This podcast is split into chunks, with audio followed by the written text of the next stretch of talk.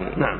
ما رأيكم في قول الألباني في كتابه كيفية الصلاة النبي صلى الله عليه وسلم أن وضع اليمنى على اليسرى على الصدر بعد الركوع بدعة؟ وما رأيكم في قوله في تقديم اليمين على الركبتين عند السجود وما آه. هذا قد نبهناه عليه قول إن وضع اليدين بعد الصدر بدعة هذا غلط. فنبهنا عليه وكتبنا في هذا خصوصا من مدة. ووضحنا أن وضع اليدين على الصدر قبل الركوع وبعد الركوع سنة. وقول فيه صلاه النبي انها بدعة غلط منه عفى الله عنا وعنه. ولعله يراجع ذلك لأنه رجل جيد وطيب وطالب علم وله نشاط كبير في الحديث جزاه الله خير. ولكن له أخطاء وأغلاط مثل غيره انه إنه وغيره لكن له اغلاط لكن هذه غلط منه على كل غلط.